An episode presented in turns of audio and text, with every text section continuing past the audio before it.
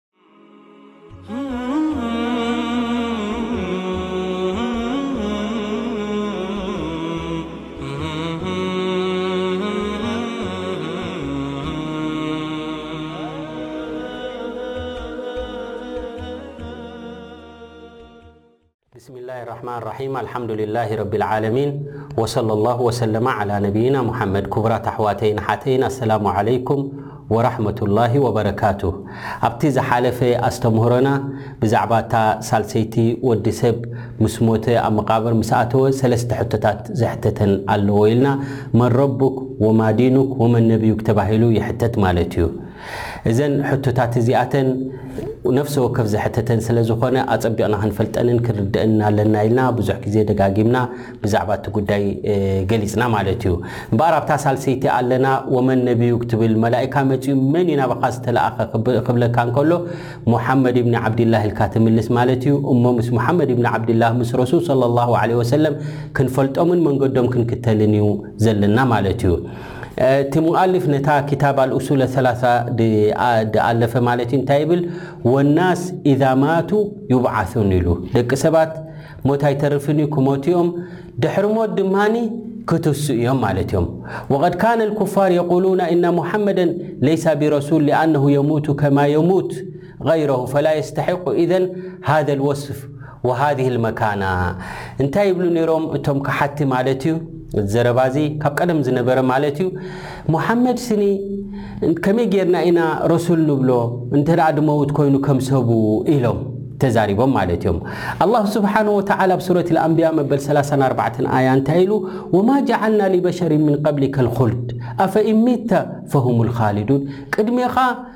ነባሪ ዝኾነ ዘይመውት ሰብ ዶ ፈጢርና ኢና? ኩላቶም ይሞቱ እዮም። ንስኻ ድማ ንስኻ እንተ ሞይትካ ንሳቶም ከ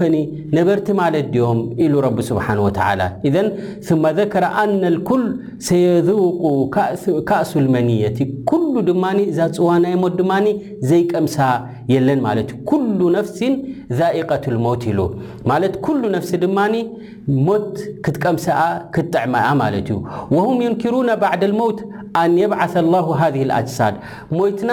ሓመድ ምስ ኮና ስኒ ከመይ ኢልና ኢና እንደገና ክንትስእ ኢሎም ድማ ክሕዱ ነይሮም ማለት እዮም። እሞ ሰብ እንተ ቀቢርካዮሲ ድሕሪ ነዊሕ ዓመታት ድሕሪ ሚእቲ ዓመት ክልተ ሚእቲ ዓመት እንተ መጺኻ ስኒ ሓምኩሽቲ ኮይኑ እዩ ዝጸንሓካ ከመይ ኢሉ እዚ ደኣ እሞ ንክትስእ ኢሎም ድማ ኢንካር ገብሩ ነይሮም እቶም ከሓድቲ ማለት እዮም። ወላሁ ስብሓነሁ ወተዓላ እንታይ ኢልዎም ኣብ ሱረት ሩም መበል ዕስራን ሸውዓተን ኣያ ወሁወ ለዚ የብደኡ ልኸልቀ ሱመ ዩዒዱህ ወሁወ ኣህወኑ ዓለይ ወሁወ ኣህወኑ ዓለይህ ኣላህ ስብሓነ ወተዓላ ንሱ እንዲ ጀሚርዎ ንሱ ድማ ንክደግሞ እዩ በል እቲ ምድጋም እዩ እቲ ዝፈኾሰ እዩ ማለት እዩ እዘን ኣየናይ ከ ይኸብድ እስከ ብሓንጎልኩም? ንረቢ ስብሓን ወተዓላ ኩሉ ምብጋስ ይኹን ምጅማር ይኹን ምፍላም ይኹን እንደገና ድማ ዝነበረ ድማ ናብቲ ዝዓነወ ድማ ናብቲ ዝነበረ ንምምላስኒ ኩሉ ሓደ እዩ። ብሓንጎልኩም እንተሓሰብኩሞስ ካብ ዘይነበርኩም ምሽ ፈጢሩኩም ኣሎ እንደገና ሞይትኩም ሓመድ ምስ ኮንኩም ክመልሰኩምሲ እንታይ ደሸግር ኣለዎ ማለት እዩ። ወሊዛሊክ ረቡና ዓዘወጀል ኣብ ሱረት ጣሃ እንታይ ኢሉ? ምንሃ ኸለቅናኩም ኢሉ።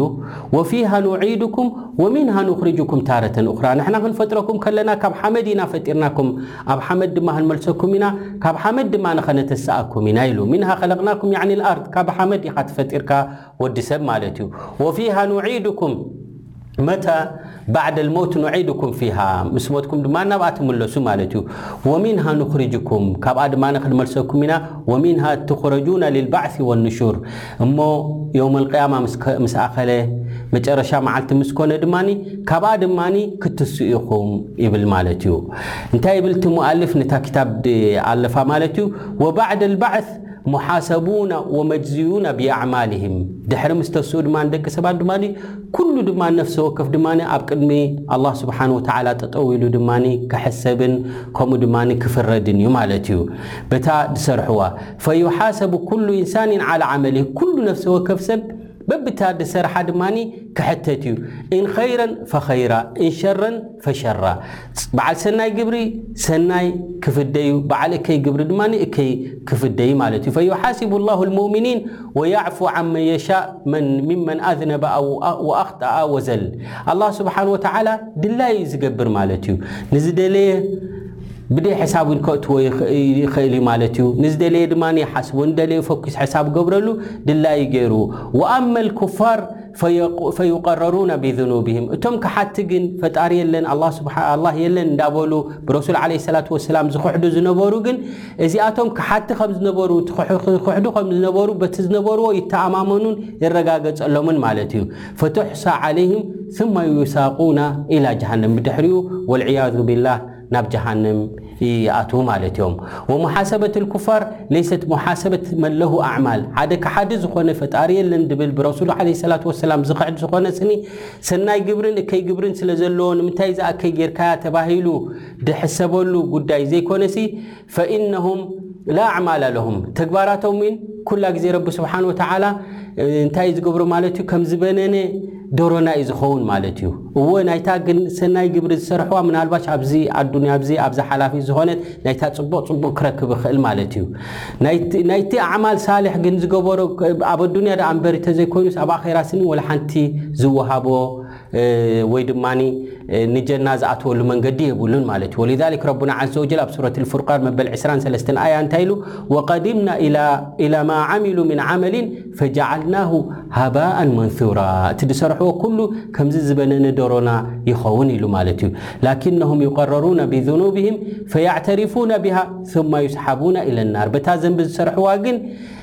ከም ዝሰርሑን ገደነኛታትን ዓመጸኛታትን ከም ዝነበሩ ግን ጌርና ኢና ኢሎም ይተኣማመኑ ማለት እዮም። ኢዘን እምበኣረይ ኩሉ ሰብ ድማ ሕሳብን ጸብጻብን ከም ዘለዎ ኣብ ሱረት ነጅም ረቡና ዓዘ ወጀል መበል ሰላሳን ሓደን ኣያ እንታይ ኢሉ ሊየጅዝየ ለዚነ ኣሳኡ ቢማ ዓሚሉ ወየጅዝየ ለዚነ ኣሕሰኑ ቢልሑስና ነቶም ሰብ እከይ ዝኾኑ በታ እከይ ዝገበርዋ ብኣዮም ድሕሰቡን ከምኣ ድማ ብኣዮም ድማ ፋይዳ ናቶም ዝረኽቡ ማለት እዮም እቶም ሰብ ሰናይ ግብሪ ዝኾኑ ድማ ሓሰናት ዝነበሮም ብረቢ ስብሓን ወተዓላ ዝኣምኑ ብነቢያት ዝኣምኑ ብረሱል ዓለ ሰላት ወሰላም ዝኣምኑ ዝነበሩ ድማ እዚኣቶም ድማ ኣላ ስብሓን ተዓላ ነቲ ሰናይ ግብሮም ዓፃፂፉን ደራሪቡን ድማ ንጀና የእትዎም ማለት እዩ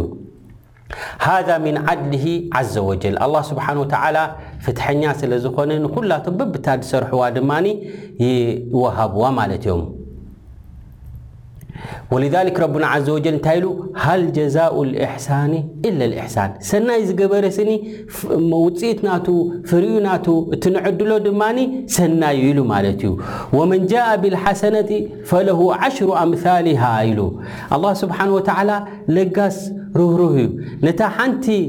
ሰናይ ግብሪ ዝገበርካያ ብዓሰርተ ዕጽፊ ትዕጸፈልካ ማለት እዩ ነታ ሓንቲ እከይ ግብሪ ዝገበርካያ ግን ከምታ ዘላታ ሓንቲ ትጸሓፈልካ ማለት እዩ በል ኣላህ ስብሓን ወተዓላ ነቶም ሰብ ሰናይ ነቶም ናይ ብሓቂ ሊላህ ኢሎም ገጽ ሰብ ደልዮም ዘይኮኑ ገጽ ኣላህ ስብሓን ወተዓላ ደልዮም ንረቢ ስብሓን ወተዓላ ከርዲ ኢሎም ዝሰርሑ ዝኾኑ ስጋብ ዓሰርተ ዕጽፊ ስጋብ ዕስራ ዕጽፊ ስጋብ ሰላሳ ዕጽፊ በል ስጋብ ሸውዓተ ሚእቲ ዕጽፊ ኣላህ ስብሓን ወተዓላ የስፍሓሎም ማለት እዩ ወመን ከዘበ ቢልባዕት ከፈር ንሕና ምስ ሞትና ኣይንትስእን ኢና ኢሉ ዝኽሕድ እንተ ኮይኑ ሓደ ከሓደ ድማ እዚ እንታይ ውሳኔ እዩ ማለት እዩ ጠብዓን ባዕት የለን ምትሳእ ዝበሃል የለን እንተ ዝብል ኮይኑ እዚ ከሓዲ ማለት እዩ ንምንታይ ከሓዲ ተባሂሉ ሊኣነሁ ኣንከራ ሩክነን ምን ኣርካን ልኢማን ሓደ ካብቲ ዓንድታት ናይ እምነት ካብኡ ስለ ዝኽሕድ ስለ ዘሎ እንታይ ተባሂሉ ይውሰነሉ ማለት እዩ ካፍር እዩ ዝበሃል ማለት እዩ ፈሚን ኣርካን ልኢማን ካብተን ዓንድታት ናይ ኢማን እንታይ እንተ ኢልካ ኣልኢማኑ ብልየውም ልኣኽር እዩ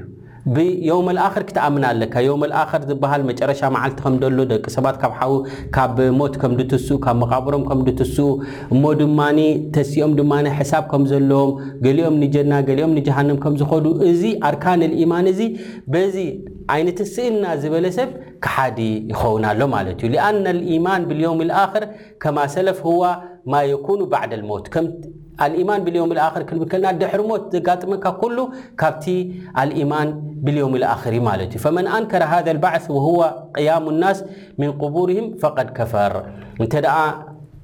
ሞይትናስ ኣይንትስእና እንተ ድብል ኮይኑ እዚ ከሓዲ ማለት እዩ ወልዛሊካ ኣልኩፋር ካኑ ዩንኪሩነሁ ምስ ነቢ ስለ ላሁ ለ ወሰለም ዝነበሩ እቶም ከሓድቲ ነዚ ምትሳእ ርሑቕ እዮም ዝቖጽርዎ ነይሮም ኣይንትስእና ኢሎም ድማ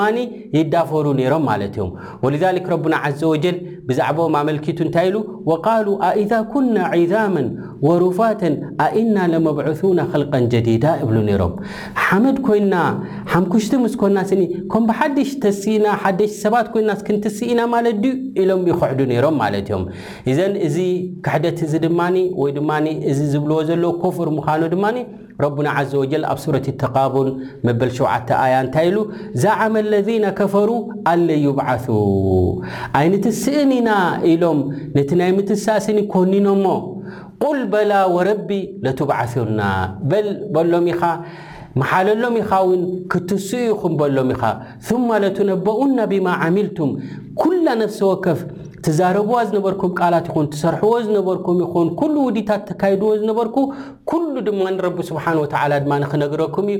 ثم ለቱነበኡነ ብማ ዓሚልቱም ወዛሊከ ዓላ ላህ የሲር እዚ ንረቢ ስብሓን ወተዓላ ቀሊል እዩ ሰማያትን ካልኦት ንስኻትኩም ዘይትፈልጥዎም ፍጡራትን ብብዓይነቱን ዝፈጠረ ንዓኻትኩም ንኸተስኣኩም ስኒ ቀሊል እዩ እሞ ሕሳባትን ጸብጻባትን ገብረልኩምን ከም ከቢድ ጌርኩም ትቆርጽርዎ ኣለኹም እዚ ዓይነት እዚ ክሕደት እዩ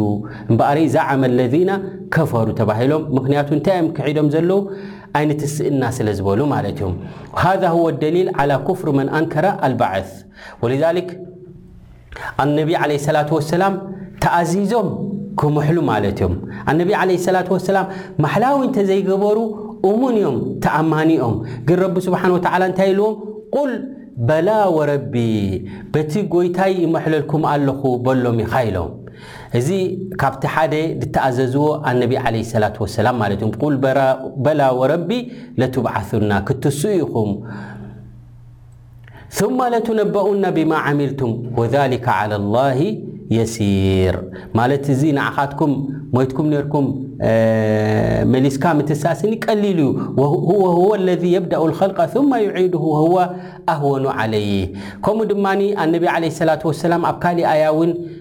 ክመሕሉ ተኣዚዞም እዚ እውን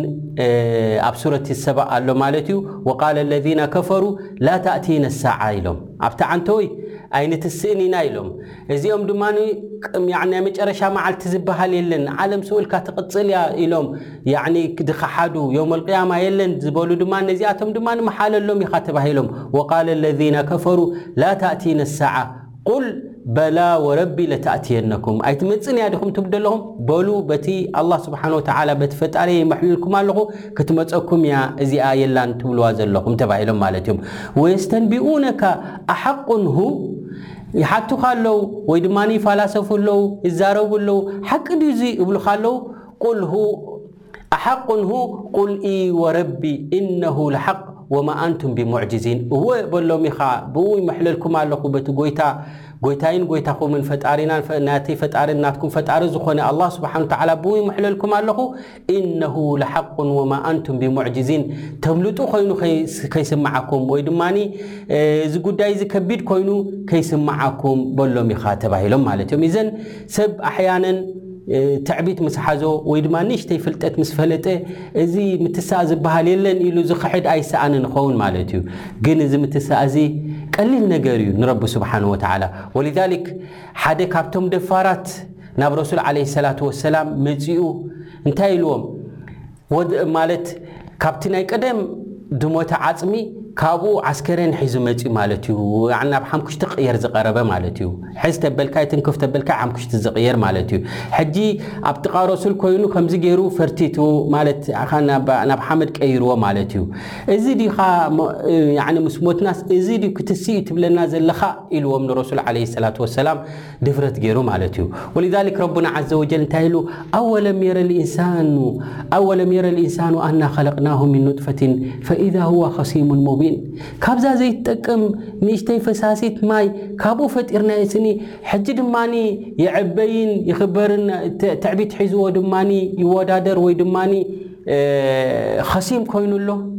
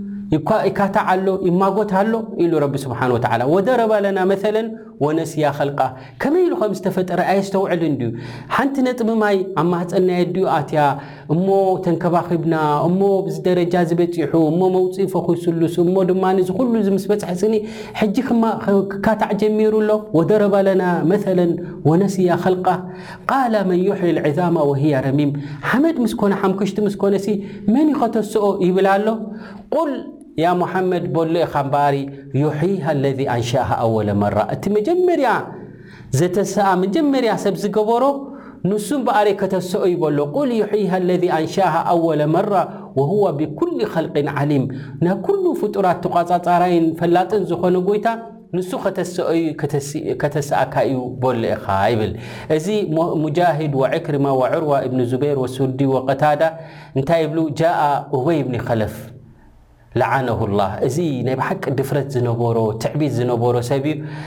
ናብ ረሱል ዓለ ሰላት ወሰላም ይመፅኡ እንታይ ይብል ወፊ የድሂ ዓዝሙን ረሚም ድበለ ዓፅሚ ሒዙ መፅኡ ወህዋ ይፈትትሁ ኣብ ቅድሚ ረሱል ኮይኑ እንዳበሎ ማለት እዩ ናብ ሓመድ እንዳቀየረ ወየዝሪሂ ፊልሃዋ ከምዚ ገይሩ ድማ እንዳበተነ ወሁወ የቁል ያ ሙሓመድ ኢልዎም ድፍረት እዩ እዚ ያ ረሱሉላህ ያ ኢሉ ክንዲ ዝፅውዕ ኣንታ ልኡኽ ኣላህ ክንዲ ዝብል ብሉፅ ናይ ብሉፃት ክንዲ ዝብል ስኒ ያ ሙሓመድ ኢልዎም ኣተዝዕሙ ኣነ ላሃ የብዓሱ ሃዛ ነዚ ስኒ ክትስእዩ ዲኻ ትብል ዘለኻ ኢሎሞ ኢሉ ንረሱል ዓለይሂ ሰላቱ ወሰላም ብድፍረት ሓቲትዎም ዝኾነ ይኹን ክዛረቡ ከለዉ ነቢ ዓለይሂ ሰላቱ ወሰላም ብቕፅበት ዋሕይ ዝወርዶም ነይሩ ኩነታቱ እንታይ ምዃኑ መጨረሽኡ እንታይ ከም ድኸውን ብቕጽበት ረቢ ስብሓን ወተዓላ ኣፍሊጥዎም ኢሎሞ እነቢ ዓለይሂ ሰላቱ ወሰላም ፈቃላ ነዓም ዩሚተከ ኣላህ እወ ረቢ ከሙተካ እዩ ኢሎሞ ثመ የብዓሰካ ከተሰኣካ እዩ ድማ ثመ የሕሹረካ ኢለ ናር ከምኡ ድማ ናብ ሓዊ ጀሃንም ድማ ከእትወካ እዩ ኢሎሞ እነቢ ዓለይሂ ሰላቱ ወሰላም ጌና ኣብዚ ኣዱንያ እዚ እንከሎ ቦትኡ ፈሊጡ ማለት እዩ ናይ ሓዊ ጀሃነም ሰብ ምዃኑ። ኢዘን እንታይ ማለት እዩ ወዲ ሰብ በቲ ኣንብያ ሒዘሞ ዝመጹ በቲ ረሱል ዓለይሂ ሰላቱ ወሰላም ብፍላይ ሒዘሞ ዝመጹ ብኡ ተኸቲሉ እዩ ክኸይድ ዘለዎ ማለት እዩ። ወነቢ ዓለይሂ ሰላቱ ወሰላም እዚ ባዕስ እዚ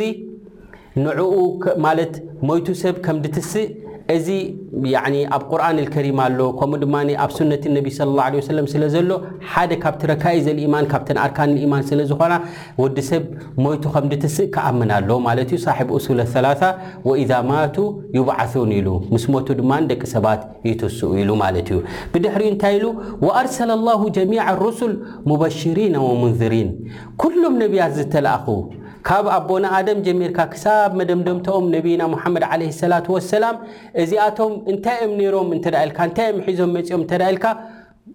ሙበሽሪና ወሙንዚሪን እዮም ዩበሽሩና መን ኣጣዐ ኣላህ ወተበዐ ሪድዋነሁ ቢልኸይራት ነቲ መንገዲ ናይ ኣላህ ስብሓነሁ ወተዓላ ሒዙ ዝኸደ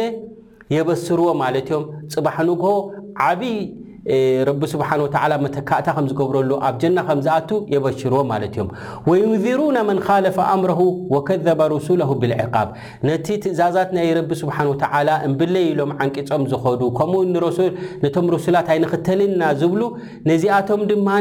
እዚ ዓብይ መቕጻዕትን ዓብይ ጸገማትን ከም ዝወርዶም ድማ የጠንቅቑ ማለት እዮም። ኢዘን ሩሱለን ሙበሽሪና ወሙንዚሪን ማለት እዮም። ኩላቶም ከምኡ እዩ ስርሖም። ከምኡ ድማ ነቢይና ሙሓመድ ዓለይሂ ሰላቱ ወሰላም መንገዲ ናይ ረቢ ሒዙ ዝኸደ መንገዲ ናይ ረሱል ዓለይሂ ሰላቱ ወሰላም ሒዙ ዝኸደ ጀና ኣለዎ ብጀና ይብሰር ማለት እዩ። ኣይፋለይን ኢሉ ድማ ዓንቂጹ ድማ ብድሌቱ ዝኸደ ድማ እዚ ሰብ እዚ ድማ ናይ ሓዊ ጀሃነም ምዃኑ ድማ የጠንቅቕዎ ማለት እዮም። ወሊዛሊክ ረቡና ዓዘ ወጀል ኣብ ሱረት ኒሳ መበል ሚእትን ሱሳን ሓሙሽተን ኣያ እንታይ ኢሉ ሩሱለን ሙበሽሪን ወሙንዝሪን ሊኣላ የኩነ ሊናሲ ዓላ ላሂ ሑጀቱን ባዕደ ሩሱል ፅባሕ ንግሆ ሞይቶም ደቂ ሰባት ምስ ተስኡ ኦ ጎይታና ደይፈለጥና እንዲና ኮይና ኣይበፅሓናን ንኸይብሉ ኣላህ ስብሓን ወተዓላ ንኹሉ ነፍሲ ወከፍ ህዝብታት ልኡኻት ልኢኹሎም ማለት እዩ። እንታይ ዝገብሩ ማለት እዮም? ብሻራን ነዛራን ዘለዉ ማለት እዮም። ዘጠንቅቑን ከምኡ ድማ ዘበስሩን ማለት እዩ። ፈመጂእ ሃኡላኢ ሩሱል ወኢንዛል ልኩቱብ ልኡኻት ክመፁ እንከለዉ መፅሓፍቲ ክወርድ እንከሎ ዓለይህም ሑጀቱን ቃጢዓ ወቡርሃኑ ሳጥዕ ግልፂ ዝኾነ ብርሃንን ከምኡ ድማ ዓብይ ዝኾነ መርትዖን ደቂ ሰባት ቅኑዕ መንገዲ ሒዞም ዝኸዱ ሰብ ጀና ንጀና ከም ዝኣትዉ ከምኡ ድማ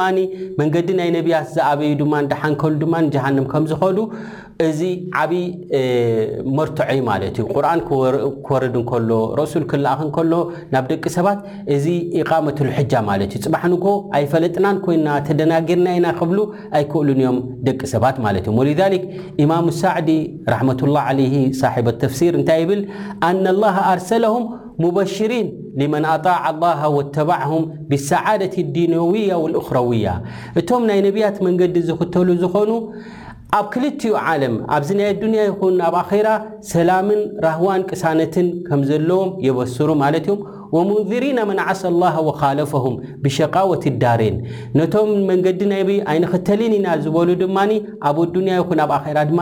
መቕጻዕቲ ከም ዘለዎም ኣብ ኣዱንያ እውን ቅሳነትን ራህዋን ሰላምን ናይ ልቢ ድማ ከም ደይብሎም ድማ ካብዚ እውን ዘጠንቅቑ እዮም ተላኢኾም ማለት እዮም ወሊዛሊክ ረቡና ዓዘ ወጀል ኣብ ሱረት ልማኢዳ እታ ዝቐራና ማ ጃኣና ሚን በሺርን ወላ ነዚር ከይብሉ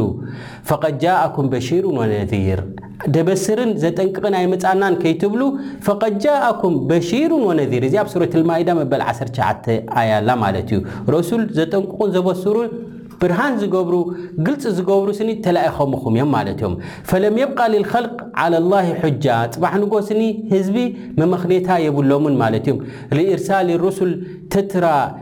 ዩበዩኑና ለሁም ኣምረ ዲንህም በብእዋኑ በብግዜኡ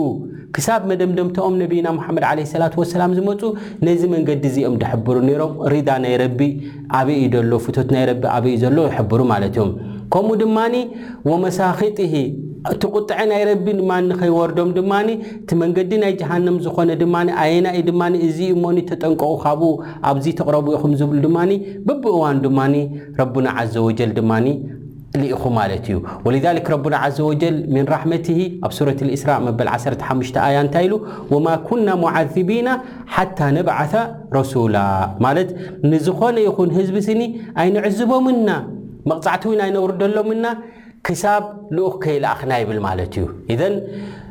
ወሊዛሊክ ልኡኽ ከይተለኣኸካ ረቢ ስብሓን ወተዓላ ይቀፅዕን እዩ እሞ ድማ ንህለ ሕጂ ድማ ንዓና እውን ረሱል ዓለይሂ ሰላቱ ወሰላም ተላኢኾምና